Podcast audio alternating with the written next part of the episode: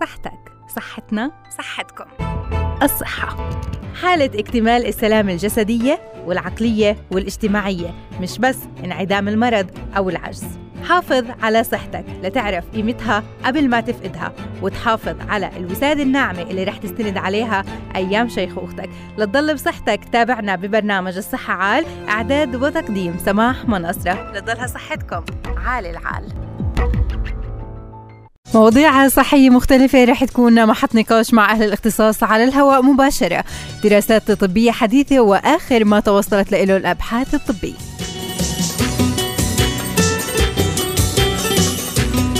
الأشخاص اللي عندهم سياراتهم الخاصة لما بيكون في آه، قنينة مي بالسيارة ممكن إنهم يرجعوا لها بأي وقت يشعروا فيه بالعطش فيرجعوا يشربوا من هاي آه، القنينة. فاليوم في تحذيرات من هذا الموضوع. إذا تركت آه، زجاجة مي في سيارتك ما لازم تشرب منها. ليش؟ هاي التحذيرات رح يكون معنا الطبيب المختص ويحكي لنا شو بتحتوي هاي المي بعد تركها في السيارة لمدة طويلة. كيفية التعامل مع العيون الجافة؟ شو يعني عيون جافة؟ وشو اللي بيسبب الجفاف؟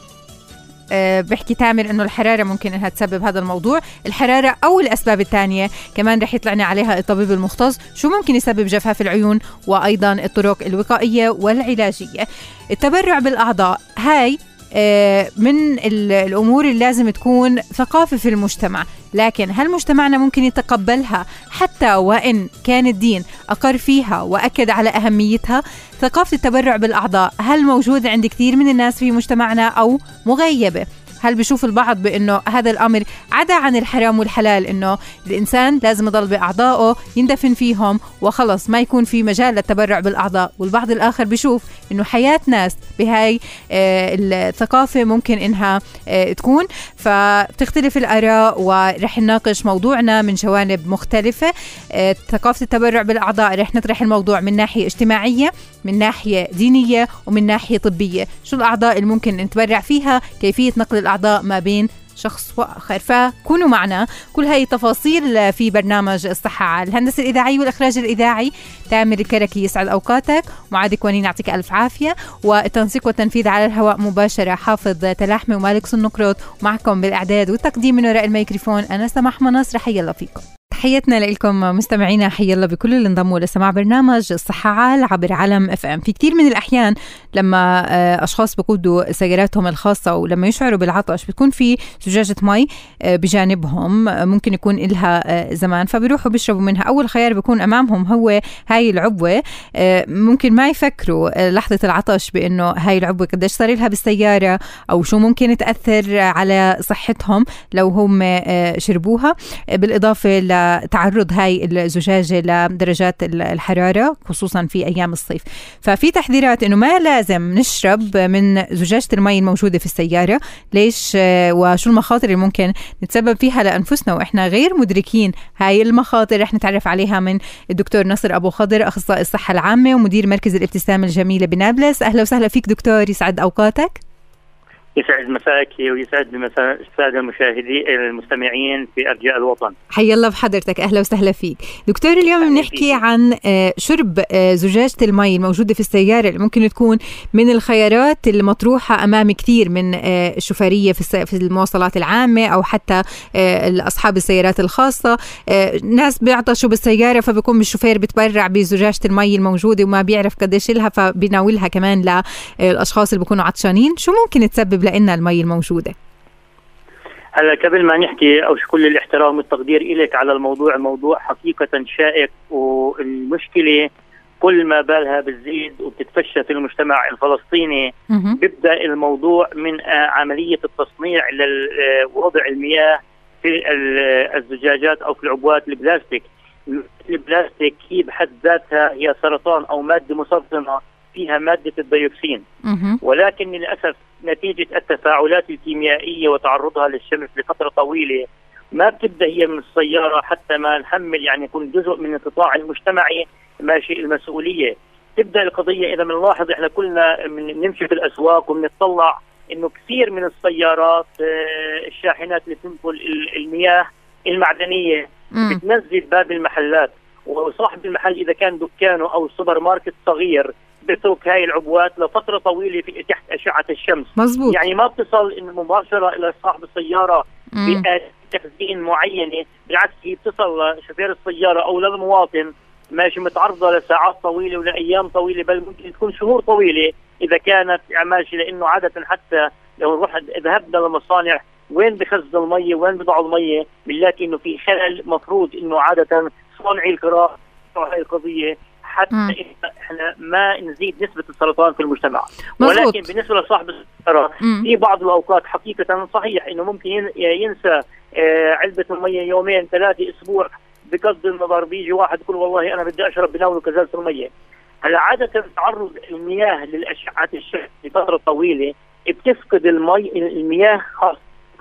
وبصير في هناك التفاعل تفاعلات كيميائية ما بين البلاستيك وما بين صحيح. وهذا كمان يعني إنه درجة الحرارة في السيارة بدها تكون عالية خصوصا لما يتركها صاحبها ممكن لمدة طويلة تحت أشعة الشمس فالتفاعل بيكون أكثر.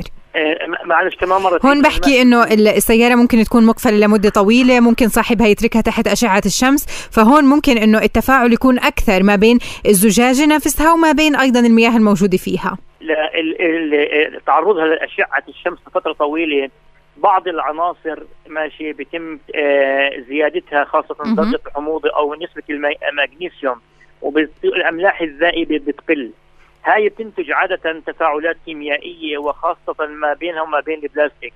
فبصير في عندنا إذا بنلاحظ إنه هاي البلاستيك مش تصنيع أول مرة ممكن يتم تكرار البلاستيك عدة مرات. صح. وفي في الماضي أنا آه، حكيت وعملنا بحث عن تأثير البضاعة الصينية وخاصة ألعاب الأطفال المصنوعه من البلاستيك على صحة الأطفال.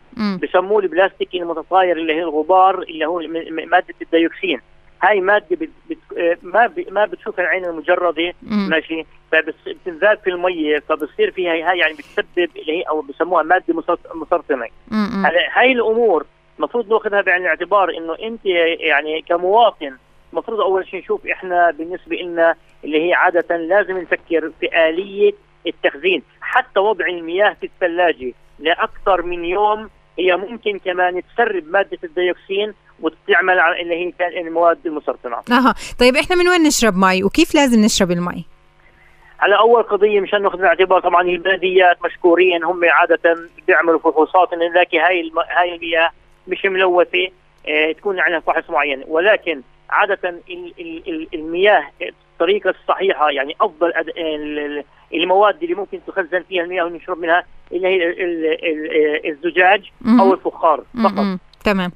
إيه إن شاء الله إنه هاي المعلومات فعلا بتكون وصلت وفي تطبيق لإلها. ما لازم نضر نفسنا لما إحنا بنعطش لازم نعرف من وين نشرب وكيف نشرب المي وطريقة التخزين كمان لازم نبحث عنها وحتى في بيوتنا. إيه بدي أتشكرك دكتور شكرا لكل هاي المعلومات. الدكتور نصر أبو خضر أخصائي الصحة العامة يعطيك ألف عافية. مستمعينا فاصل قصير بعد الفاصل. كيفية التعامل مع العيون الجافة وعلاجها؟ ابقوا معنا لبعد هالفاصل القصير. تحياتي لكم مستمعينا جفاف العين ممكن يسبب حكة احمرار ممكن الشخص ما يعود يشوف منيح. زيادة في الحساسية كمان للضوء. في كثير من الأعراض المزعجة اللي بيعاني منها الأشخاص اللي عندهم آه، جفاف العين. رح نحكي اليوم أكثر عن الأسباب اللي بتأدي لجفاف العين بالإضافة للطرق الوقائية والعلاجية. بنضم لنا طيب رح ينضم لنا الدكتور لحتى نعرف معاه أكثر عن هذا الموضوع. آه ممكن إنه آه في بعض الأشخاص بصيروا يعانوا من هاي الحالة آه بتقلبات آه الجو. يعني بهاي الحال بهاي الأيام بالتحديد بصير في عندهم جفاف بالعين نتيجة وجود هاي الأعراض اللي حكينا إنه بيكون احمرار شديد ووجع كمان بالعين وألم بالإضافة لعدم وضوح الرؤية. ممكن يكون السبب عائد لاختلاف درجات الحرارة وهذا التباين في درجات الحرارة ممكن يؤدي لجفاف العين. تقلبات الطقس وعلى علاقتها بجفاف العين بالإضافة للأشخاص اللي ممكن بيعانوا من هاي الحالة لشو ممكن يؤدي فيهم هذا الموضوع وأنواع المراهم وأنواع العلاجات اللي ممكن إنهم يستخدموها لتقليل حدة هاي الأعراض وإذا صبروا عليها لشو ممكن تأدي فيهم. بنضم لنا الدكتور أكرم منصر رئيس قسم العيون في مستشفى الخليل الحكومي أهلا وسهلا فيك دكتور يسعد مساك. الله يمسيك بالخير ومسي جميع المستمعين بالخير. أهلا وسهلا بحضرتك. دكتور خلينا بداية نحكي عن جفاف العين. شو المقصود فيه وشو اللي بيسببه؟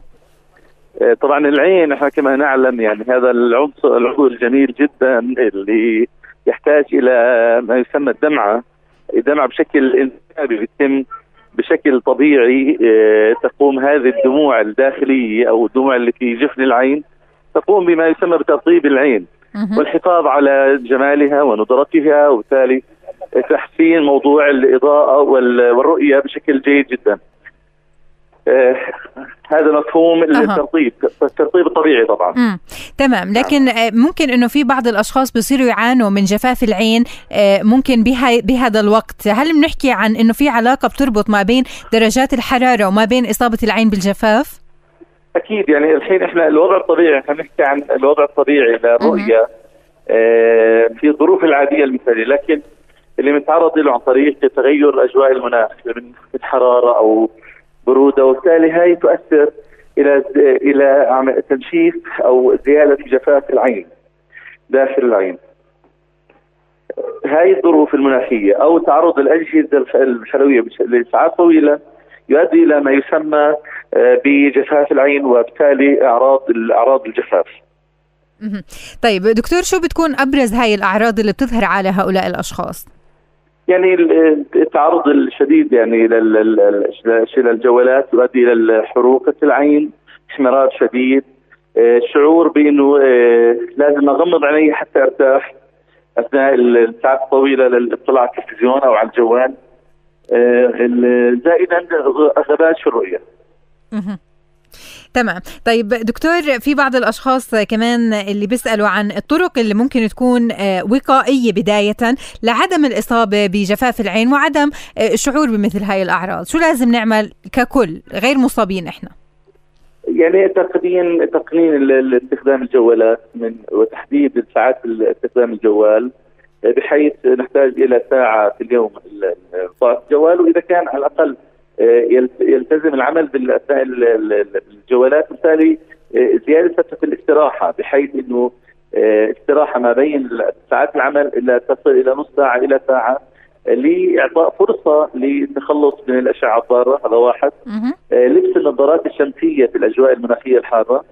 واستخدام قطرات ترطيب العيون. قطرات المرطبه وهي موجودات في الصيدليه بشكل متوفر أه. اللي هي قطرات قطرات الدموع الاصطناعية. أها. والأشخاص اللي فعلا صار عندهم جفاف هؤلاء لشو ممكن يتعرضوا إذا صبروا على نفسهم ما عالجوا المشكلة بسرعة؟ والله شوف يعني ما فيش حدا حاب آه إنه يكون دائما يعاني طبعا آه وعينيه حمر ووجع في العين ما فيش حد بحب يعاني. وبالتالي هو أصلا مجبر إنه يستخدم قطرات الترطيب لأنه وجع العين مؤلم يعني. صح بالضبط. مزبوط آه. في كمان سؤال من متصل إنه بيحكي لنا بإنه آه، مجرد ما يغمض عيونه بتصير في عنده حرقة بالعين فهذا بيكون سببه الجفاف ولا في سبب ثاني؟ إذا بيغمض عينيه وبكون في حرقة بيكون في عنده جف... آه بتكون عنده حساسية بالعكس م. يعني شيء ثاني تشخيص آخر حساسية أه. في العين أو الرمد الربيعي بسموه أها. بدي اتشكرك دكتور معلومات مهمة يعطيك ألف عافية. دكتور أكرم مناصر رئيس قسم العيون في مستشفى الخليل الحكومي شكرا لكل هاي الإيضاحات. صحتك. صحتنا صحتكم. الصحة. حالة اكتمال السلامة الجسدية والعقلية والاجتماعية مش بس انعدام المرض أو العجز. حافظ على صحتك لتعرف قيمتها قبل ما تفقدها وتحافظ على الوسادة الناعمة اللي رح تستند عليها أيام شيخوختك لتضل بصحتك تابعنا ببرنامج الصحة عال إعداد وتقديم سماح منصرة لتضلها صحتكم عال العال. وتحيات لكل المنضمين لسماع برنامجنا. وصلنا لموضوعنا اللي رح نحكي فيه بتفاصيل أكثر ومن كل النواحي موضوع التبرع بالأعضاء. لأهمية هذا الموضوع لبث روح الحياة والحياة في أشخاص جدد وبالإضافة لأنه هذا الموضوع ممكن يكون ثقافة. هل وصلت لمجتمعنا؟ هل ممكن نعتبر فعلا التبرع بالأعضاء ثقافة مجتمعية لازم إنها تكون؟ بما إنه الدين أعطى تصريح بهذا الموضوع رح نحكي بتفسيرات أكثر. وبما إنه كمان القانون أعطى آه، تصريحات ورح نناقش هذا الموضوع من الناحية الطبية لحتى نعرف متى ممكن إنه يكون في تبرع بالأعضاء شو يعني تبرع بالأعضاء شو الأعضاء اللي ممكن نتبرع فيها وكل هاي التفاصيل رح تكون أكيد محط نقاش في برنامجنا. من ناحية طبية بنضم لنا الدكتور عماد التلاحمي استشاري جراحة الأعصاب والدماغ والعمود الفقري. أهلا وسهلا فيك دكتور يسعد مساك. حياك الله وسهلا فيك. أهلا وسهلا بحضرتك وبنضم لنا أيضا فضيلة الشيخ إبراهيم معوض الله نائب مفتي القدس والديار الفلسطينية. أهلا وسهلا فيك فضيلة الشيخ السلام عليكم. عليكم السلام حياكم الله. أهلا وسهلا بحضرتك وضيفنا بالأستوديو الدكتور عمرو سعيفان محاضر في كلية التربية بجامعة الخليل. أهلا وسهلا فيك دكتور شرفتنا. أهلا بك وبالمستمعين أهلا وسهلا بحضرتك. أول شيء رح نبدأ معك فضيلة المفتي. نحكي عن آه، التبرع بالأعضاء ورأي الدين بهذا الموضوع لحتى الأمور تكون واضحة وفيما بعد نبدأ بنقاش موضوعنا. تفضل.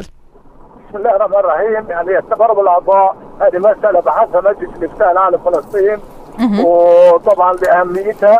ووضع ضوابط وشروط للتبرع. آه، من أهم تلك الضوابط ما يتعلق بإذن المتبرع أو إذن الوصي آه، والولي إذا كان يعني المتبرع قد مات. تمام. فهناك يعني لابد من أخذ إذن للشخص المتبرع بالأعضاء حتى يعني تؤخذ هذه الأعضاء منه بإرادته. آه هناك شروط تتعلق بقضية الأعضاء التي يجوز التبرع فيها وأعضاء لا يجوز. فالأعضاء التي تنقل مثلا الصفات الوراثية والأعضاء التناسليه والخصيات وما شابه ذلك هذه لا يجوز التبرع فيها. الأعضاء التي تقضي على حياة المتبرع إذا كان عايش آه على قيد الحياة هذا لا يجوز لأنه ما بدنا إحنا نحيي إنسان على حساب حياة إنسان, إنسان آخر, آخر. مزبوط. لكن مثلا آه مثلا قضية آه الكلى. قضية بعض آه، مثلا القرنية للمتوفي. قضية المتوفى. آه، هذه هذه الأمور تبحث آه، كل حاله على حدة وضمن الضوابط ونحن في دار الإفتاء نشجع المواطنين على العمل وفق هذه آه، الفكرة لأنها فكرة رائعة تتفق وتنسجم مع قيم الإسلام مع مبادئ الإسلام الذي جاء يحيي الإنسان. والله تعالى يقول ومن قتل نفسا بغير نفس فكأنما قتل الناس جميعا ومن صحيح. أحياها فكأنما أحيا الناس جميعا. تمام. يعني هون آه، معلومات مهمة جدا فضيلة المفتي لكن هل بتشوف فعلا إنه هذا الأمر أصبح مفهوم عند الناس ولا في ناس ممكن حتى وإن الدين صرح بهذا الموضوع لكن بضلوا في عندهم خوف إنه لا ما لازم نتبرع بأعضائنا ما في إذن من الموصي ما هو الثقافة لسه مش منتشرة ما بين الناس. فكدار إفتاء كيف بتنشروا هذا الموضوع؟ هل بتشوف إنه أصبح الناس متقبلين لإله؟ هو يعني الناس يعني كفكرة تتعلق بقضية بالتأكيد يعني مش يكون قبول واسع. إنما إحنا نشجع. يعني أنا واحد من الناس آه، يعني أفكر جدا. باعضاء جسمي لو توفيت وتمكن أي إنسان أن يستفيد منها. لأنه بعد وفاتي تمكنت أن أنفع آخرين فلتكن هذه المنفعة ولي فيها الأجر والثواب الذي يعني يستمر مع الإنسان الثواب هذا حتى بعد الوفاه اذا المساله اخذها الإنسان المؤمن. على انها تتعلق بأجر وثواب وإنقاذ حياة إنسان فهو بالتأكيد سيتشجع ويتحمس لهذه الفكرة ويتعاطى معها. صحيح. الإفتاء يعني ضد من يحبط ويثبت عزائم الناس عن التعاطي مع مثل هذه القضية. تمام. لأنه هذه القضية ما دام فيها حياة آخرين فلتكن ونحن طبعا نفتي بأن تبطل القضاء حتى يجوز من المسلم لغير المسلم ما دامت طبعا في غير حد ويجوز من غير المسلم للمسلم. يعني هون يعني الإسلام أعطى الحلول لهذا الموضوع وأفتيتم آه، فيها أكيد مشكورين. آه، إيضاحات مهمة بهذا الموضوع. بدنا نتشكرك أكيد فضيلة الشيخ إبراهيم عوض الله نائب مفتي آه، العام للقدس والديار الفلسطينية. وبنرجع لك دكتور عمرو سعفان بنحكي هون عن الإسلام وشو أعطى. الإسلام أفتى والإسلام كمان ويعني في عمل بهذا الموضوع من الناحية الدينية وتشجيع له لكن ليش الناس بضل عندها تخوف؟ من الناحية النفسية ليش الناس بتخاف إنه تتبرع بأعضاء؟ هي اولا في عندنا التصورات الذهنية للناس واللي ناتجه عن العادات والقيم والتقاليد واللي إحنا كمان أحيانا بنخشى كلام المجتمع أو كلام م. الآخرين حول الموضوع. إنه آه، اولا بالنسبة لنا إحنا أحيانا كثير بنلاقي ناس إنه ممكن يتبرع بكلوة مثلا بتبرع بشيء لاخوه آه، لقريبه لأنه قريب له وبهمه وبهمه إنه الإنسان هذا حافظه كصحة ومصلحة. مم. نعم. لكن لما آه تكون ثقافة عند الناس إنه إحنا بدنا الناس هم يكون في عندهم ثقافة إنه أنا أروح أسجل كمتبرع إنه في حالة حصل لي حادث أو أي شيء إنه آه، الآخرين يستفيدوا من آه مثلا أجزاء ممكن تكون في فايدة زي القرنية مثلا زي مثلا. بعض أجزاء في جسم الإنسان وخاصة إنه إنه الإنسان ما بيضمن حياته. لكن إنه إحنا آه، أحيانا إنه قلة الثقافة والوعي حول الموضوع ولأنه الموضوع هو مش منتشر بالوسائل الإعلام. وما في متابعة له فبتلاقي أنه الناس تحجم عن هذا الموضوع. حتى يعني ممكن أنا سمعت عن بعض الحالات دكتور إنه آه، أشخاص يعني آه، آه، مرضى وإنه أوصوا في وصيتهم إنه ما في عنا إشكالية في حال إنه فارقنا الحياة إنه يكون في تبرع في الأعضاء لكن الأهل بعد وفاة الموصي بيكون في عندهم اعتراض آه، مات الله يرحمه لكن تبرع باعضائه ف يعني بيتحملوا مسؤولية إنه لا ليش؟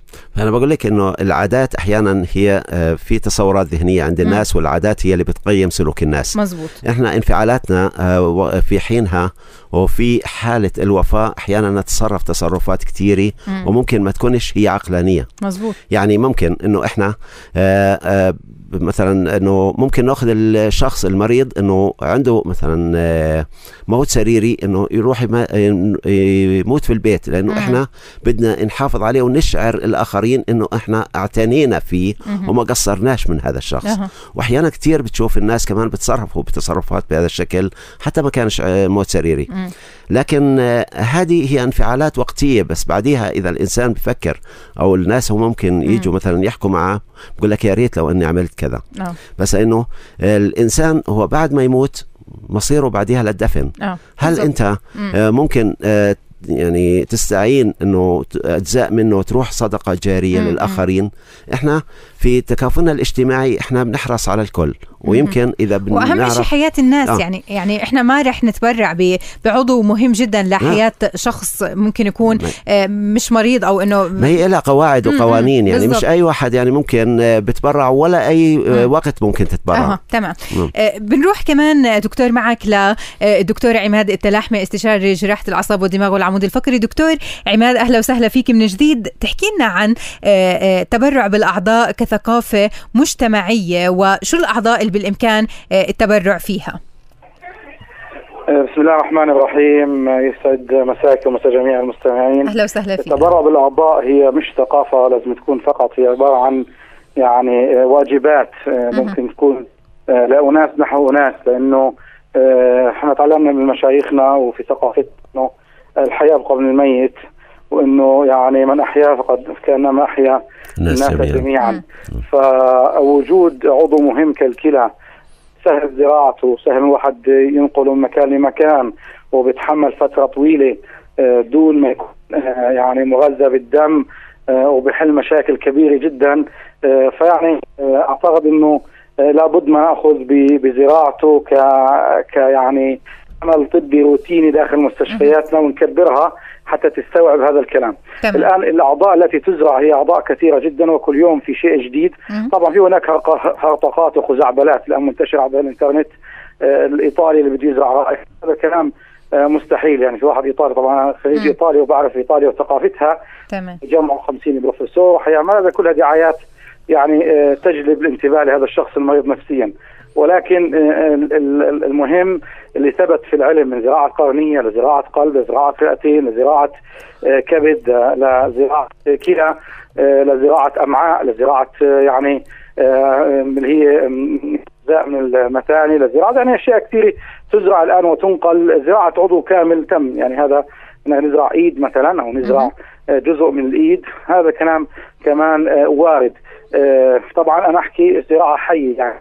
زراعة جزء من من إنسان لإنسان. طبعا هناك زراعات نزرعها كل يوم هي الزراعات المعدنية نزرع مفاصل بدل مفاصل نزرع داغي بدل لكن هذا نعم. زراعة أعضاء. من إنسان لإنسان لكن هل بتشوف كمان دكتور عماد أنه آه، فعلا آه، هذا ال- الأمر يعني طبيا ممكن يكون كمان آه، متوفر عندنا بفلسطين ثقافة ال- أو مش يعني التبرع بالأعضاء فعلا أنه بالإمكان أنه شخص يوافق ما قبل موته أنه فيما بعد الوفاة ممكن يوصي أنه ممكن تتبرعوا بالأعضاء وأهله كمان يكونوا موافقين في سهولة بت- ب- طبيا بنقل الأعضاء من شخص لآخر شوفي إحنا في فلسطين يعني بدأت الآن بعض المراكز العاقله أنا كنت من مؤسسي تجمع أطباء فلسطيني بأوروبا وقمنا بجلب مجموعة من الخبراء من أبناء التجمع أبناء فلسطين في أوروبا. آه، بداية في مستشفى الشفاء بغزة وزرعنا عدة حالات.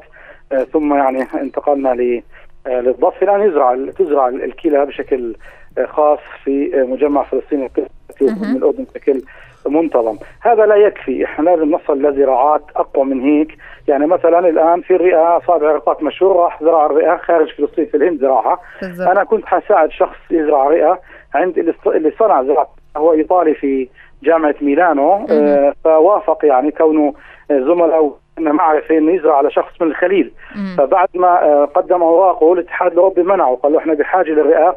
اللي عندك نزرعها لواحد أوروبي ممنوع تزرعها لواحد مش أوروبي. مم. يعني أفشلوا التبرع أفشلوا الموضوع كله. آه. فهذا بيحكي قديش إحنا مهم انه يكون عندنا آه تبرع إحنا برئات برئات يعني بعضنا لبعضنا. مم. يعني اللي بموت في حادث سير وبكون حياته خلاص يعني انتهت وصار عنده موت دماغي مثبت بثلاثة أخصائية يعني مختصين في إثباته بجميع الإشارات اللازمة. هؤلاء يعني خسارة أن إحنا نضيع أعضائهم وهي ثمينة جدا. أه. ما نزرعها في ناس بأمس الحاجة قاعدين على الأكسجين 24 ساعة وقد يكونوا علماء أفذاذ يعني بيخدموا المجتمع قد يكونوا تمام.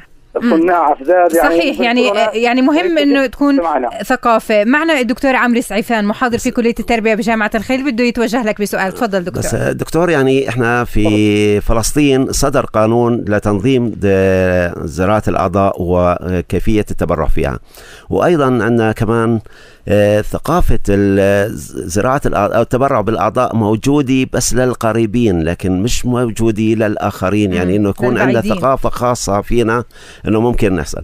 لكن اللي بيكون في شك اجتماعي أحيانا عند الناس إنه كيف نضمن إنه هذا الإنسان اللي توفى إنه أخذنا في الوقت اللي توفى فيه مش في ممكن تكون مجازفة وإنه إحنا لو ما أخذناهمش أو ما نزعناش اعضائه ممكن يكون هو بده يحيا أو ما يموتش فهي كيف بدي أوجه للناس إنه آه. هذا المفروض إنه. في قانون أو في نظام أو في من عند الأطباء طريقة إنهم هم بيتأكدوا إنه هل ممكن ناخذ اعضائه وهو توفى ولا ما توفاش؟ أكيد شوف إحنا بشكل عام حتى أنك تزرع عضو مهم كالكبد والكلى وما شابه يجب أن يكون مركز متخصص بالزراعة لأنه هذا المريض ستثبط مناعته لفترة من الزمن بده علاج خاصة بده متابعه خاصة صح. يعني شيء معقد جدا النقل مم. الآن حتى حننقل لمريض بحاجة أول شيء لازم المرضى جميع المرضى الذين يحتاجون للزراعة يكون لهم بنك معلومات أه. معروفة جيناتهم معروفة يعني ال ال يعني عبارة عن دراسه للكود الجيني لهؤلاء الناس ولهم بنك هذا البنك بيكون على مستوى فلسطين مثلا مم. المريض اللي عنده مرض في مستشفى رام الله الحكومي الناس بثقوا في الشيخ فلان وبالدكتور فلان وبفلان هؤلاء يوظفوا رسميا إنه يا عمي يتابعوا مع الناس. إذا شخص مات موت دماغي يقنعوا الناس إنه هذا الموت الدماغي خلاص لا رجعة منه إنه هذا المريض إذا تبرع للشخص الآخر أجره عنه وأجره عن أهله وما شابه فيقنع الأهل بهيك موضوع بس بعد ما يثبت إنه في متلقي لهذا العضو. يعني إحنا من البنك بنك المعلومات موجود. نفحص الشخص هذا اللي يعني هو مؤهل يعطي العضو إذا ثبت خلال الفحوصات هذا العضو قام يزرع في الشخص الحي الفلاني يعرض هذا الموضوع على الأهل وينقل العضو طبعا في قوانين مثلا بامريكا ممنوع الاجزاء قلب من شخص وشخص يعرفوا بعضهم يعني الأمر بيتم عبر في مايكل ها يعني هارت كتب يعني كتاب ذا يعني تابعوا الناس اللي نقلوا لهم قلوب وصاروا يحكوا إنه بتغير كثير فصارت قصص على صحيح مزبوط طيب قديمة جدا. يعني دكتور هون إذا بدنا نحكي آه, آه بدنا نحكي مثلا عن أشخاص آه كمان آه عندهم هذا الموضوع شيء آه عادي وممكن إنه آه يعني هم سليمين آه يوصوا إنه مثلا يكون في تبرع في أعضائهم ما بعد آه الوفاه هل بنحكي عن مكان لتخزين الأعضاء؟ هل في إمكانية لهذا الموضوع إنه مش على طول إنه الأعضاء يكون زرع لإلها؟ آه الأعضاء في أعضاء بتعيش آه نص ساعة مثلا. مم. يعني مثلا أنا عندي المريض لسه قلبه بدق وعنده موت دماغي أنا معي أقل من نص ساعة يعني هذا القلب افكه من هذا أنقل لقلب واحد ثاني. فبتكون آه. غرفتين عمليات جاهزات آه في فريق بيشتغل في إزالة قلب الشخص المتلقي وفي فريق بيشتغل في إزالة قلب الشخص المانح. ماشي فهناك أعضاء زي القرنية مثلا تقدر أنت تشتري 1000 قرن من برا توصلها فلسطين تزرعها لانها. بتعيش فترة طويلة. الكلى بتصمد لها ست ساعات تقريبا فممكن زراعتها بطريقه آه، آه، يعني بس اذا إذا الكلى نقلت واحد مفتوح من هون واحد مفتوح يعني عمليتين غرفتين عمليات فيهم فنسبة تكون أعلى يعني. الكلى ما تبرد مباشرة تنقل آه، فهناك يعني لذلك ال- ال- القاعه ما بكون هناك بنك للأعضاء. إلا آه، ببعض الأمور ولكن طيب. بشكل عام تمام يعني مثلا بدي ازرع عظم من حي لحي هذا له بنك عادي طيب بنك العظم. دكتور في أحيانا بعض المرضى بيروحوا على بعض الدول زي الهند وكذا وبيروحوا بين آه، بيصير في عندهم نقل أعضاء لكن بتفشل بعد فترة هذه المتابعة لابد متابعة آه. وهذه هي ذكرتها تمام هذه هي يعني هنا في مهارات طبية وفي علم عميق أيوه بس في يعني- كمان ناحية اللي هي تجارة الأعضاء في مم. أحيانا حتى نتجنب هذا الشيء لأنه انت بعض الناس لما. بيروحوا آه. بيضمنش إنه الأنسجة أو العضو هذا سليم طبيا أو صحيا. بشكل صحيح في حالة إنه ما كان هذا العضو طبعا ممكن يكون عضو مريض يعيش فترة قصيرة معك حق هذا. بس العضو إذا ما كانش ملائم بيموت وهو في المستشفى. المريض يعني هذا. العضو في المستشفى المريض ما بيروح على بيته على طول بيفشل. لكن يعني فبتكون هناك مطابقة okay. بس هذه بلدان فيها أمراض غير أمراضنا فإذا نقلت كلية فيها مرض تسرب البروتين مثلا فبتضلها كلية مريضة. يعني هي كويسة زرعت اشتغلت عند الرجل بس لأنها مريضة عمرها الافتراضي مثلا خمس ست سنوات بتموت بعد خمس ست سنوات okay. تمام. أو نقلت من شخص 80 سنة 90 سنة مم. فهي يعني بشكل عام آه، تعرضت للضمور وضعيفة فبت يعني لازم إنه يكون في. متابعة متابعة لهذا الموضوع من ناحية الطبية في حال إنه فعلا هذا الموضوع تحول لثقافة. بدي أتشكرك دكتور عماد التلاحمي استشاري جراحة الأعصاب والدماغ والعمود الفقري. إحنا بنعرف إنه أخذنا من وقتك وفي عندك ضغط بالعيادة يعطيك ألف عافية. شكرا جزيلا لوقتك اللي خصصته لبرنامجنا موضوع التبرع بالأعضاء رح نعرف تفاصيل أكثر عن هذا الموضوع. هل ممكن أنه تصبح ثقافة ثقافة التبرع بالأعضاء مفهوم موجود عند الكل ويصبح أنه أمر ممكن قابل للطرح وقابل أيضا للتبرع. كونوا معنا تفاصيل كثيرة رح نكشف عنها لتكونوا إن شاء الله بخير وبعافية.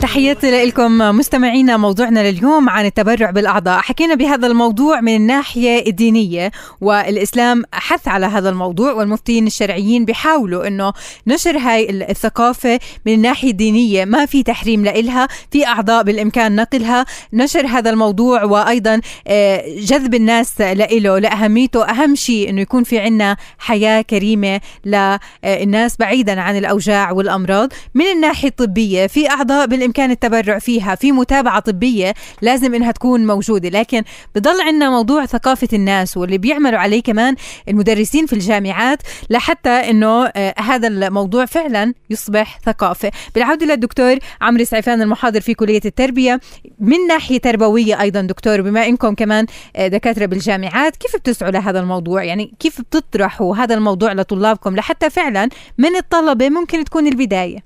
أول شيء إنه الموضوع هو لسه جديد في مجتمعنا بالنسبة لثقافة إنه يكون في عندي تبرع بالأعضاء لأي شخص مم. بس هي كثقافة موجودة إنه للشخص القريب هي موجودة الآن آه، بس إحنا اللي بدنا إياه إنه الآن إنه آه، إحنا عندنا مجتمعنا في تكافل وفي ترابط كبير وإحنا بنشعر بالآخرين آه، بنحرص كمان على إنه نحاول نكون قريبين حتى من الناس المرضى لكن نعم. إنه أشارك الآخرين إنه كيف ممكن أنا آه، أكون أو يكون حدا هو سبب في شفائه آه يعني في بعض في الناس حياته ممكن يكون ممكن. أو في. حياته لأنه بدل ما أنا. يعني إحنا المثل لا تعلمني مثلا لا تعطيني سمكة بس علمني كيف أصطاد أصطاد. آه. إنه إحنا نتعلم كيف يكون في عندنا ثقافة إنه يكون حرصنا على الآخرين وعلى مم. مجتمعنا وعلى أبنائنا مش فقط إنه أتصدق بس في المال كمان إنه. ممكن يكون حتى العضو اللي أنا ممكن في يوم من الأيام لو صار مثلا. أو تبرعت فيه بشكل إنه ما بضرني ممكن يكون صدقة. كمان لأنه هي لحياة ثقافة- إنسان آخر ثقافة العطاء هي أيضا دور الآن وسائل الإعلام دور الصحافة دور الندوات اللي ممكن تعقد مم. كمان ودور الجامعات ودور المدارس فالكل هو مطالب في كل صحيح. مكان صحيح. انه ينشر خلينا. نستمع لمجموعة من الصبايا والشباب. شو بيعرفوا عن آه، التبرع بالأعضاء؟ وهل ممكنها فعلا تكون ثقافة من آرائهم؟ خلينا نستمع. أنا اللي بعرفه عن التبرع بالأعضاء إنه الواحد بيكون ميت سريري وبيقدر إنه يعني يأخذوا أعضاء لما يكون ميت سريري.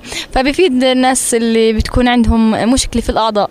فهيك إنه إحنا بنستفيد من أعضاء الشخص اللي تقريبا ميت. يعني ما في إنه غير قلبه بنبض أما بالنسبة لدماغه فهو خلص أنا مع فكرة إن أتبرع بالأعضاء لأن كثير أشخاص بكونوا بيعانوا ومحرومين من أعضاء في جسمهم أشخاص ثانيين غيرهم بموتوا. وبيحتفظوا بهاي الأعضاء وما بيستفيدوا منها لا هم ولا الناس اللي حواليهم. بعرف إنه الإنسان بيقدر بعد ما يموت بيكتب بوصيته إنه بده يتبرع بأعضائه وأنا مع ولأنه يعني بفيد ناس غيره يعني مش رح يستفيد من أعضائه بعد ما يموت. التبرع بالأعضاء شيء منيح؟ يعني إذا واحد مثلا أبوه كان محتاج وتضرر كلى مثلا شيء زي هيك بإمكانه إنه يتبرع فإشي منيح وبنعرف عنه إن التبرع يعني. أنا ضد التبرع بالأعضاء لأنه الإنسان بحاجة لكل عضو في جسمه وأي إشي بنقص أكيد راح يسبب خلل في جسم الإنسان. إذا كان مثلا الواحد محتاج أعضاء أو ان مثلا الواحد مريض ومحتاج كثير آه، يعطوه مثلا أعضاء. إذا كانوا أعضاء الشخص هذاك منيحة يعني. آه إذا كانت سليمة. آه وإذا كانت طبعا تنقذ حياة شخص. التبرع بالأعضاء. أنا بعرف عنه إنه الشخص بكون كاتب آه، ورقة بوصي فيها إنه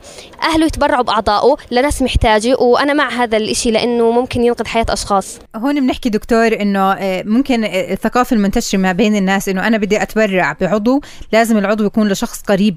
يعني آه، قريب جدا ممكن تكون لأي شخص مش شرط يكون قريب بس وهذا اللي وضح لنا كمان الدكتور آه. نعم بس هي ممكن تكون لأي شخص لكن إنه إحنا المفروض إنه تتنظم هاي العملية وانه يكون في نظام خاص إنه أول شيء الناس ما بيعرفوش وين يروحوا يتبرعوا صح. كيف يسجلوا للتبرع مم. ما بيعرفوا شو أهمية هذا الشيء وشو دوره اجتماعيا مم. فالمفروض إنه هذه كثقافة إنه إحنا ننشرها من خلال وسائل الإعلام من خلال مم. تعيين مراكز مثلا أو حتى على رخصة القياده والهويه هذا إنه ينكتب على الهوية أو رخصة القيادة إنه متبرع بالأعضاء مم. فهي حتى لو صار لا سمح الله إنه حادث أو أي مم. شيء إنه يكون هذا في مسؤولية المستشفى صح. أو الجهة اللي بتكون تستلمه أه. يعني والتبرع في الأعضاء في بعض الأعضاء مش ضارة يعني مم. إنه ممكن الشخص حتى هو على قيد الحياة هو على قيد الحياة وبتبرع بالكلى آه بكلوة واحدة وبتكون عنده كلوة ثانية سليمة وفي صحيح. ناس كثير يعني بالإمكان بعد هاي الآراء وبعد هذا الحديث إنه فعلا التبرع بالأعضاء يكون ثقافه آه بس آه هي ثقافة ممكن الأساس موجود بس بدها متابعة وتنمية. وعندنا مجتمعنا عندنا حرص شديد جدا م. على أبنائه وأكيد هم بتقبلوا هاي الفكرة وممكن نشرها بسهولة. إن شاء الله. شكرا دكتور يعطيك ألف عافية. الدكتور عمرو سعيفان محاضر في كلية التربية بجامعة الخليل والشكر أكيد لفضيلة الشيخ إبراهيم عوض الله نائب مفتي محافظة القدس والديار الفلسطينية والشكر للدكتور عماد التلاحمي استشاري جراحة الأعصاب والدماغ والعمود الفقري. كانوا ضيوفنا بموضوع التبرع بالأعضاء. يعطيكم ألف عافية جميعا وإن شاء الله فعلا هاي الثقافة بتكون موجودة. الصحة والخير لكم دائما مستمعينا. ولهون بنكون وصلنا لنهاية برنامج الصحة عال. شكرا لفريق العمل تامر الكركي وحافظ تلاحمي ومالك سنقرة يعطيكم ألف عافية جميعا ولكم تحياتي سمح منصرة في أمان الله.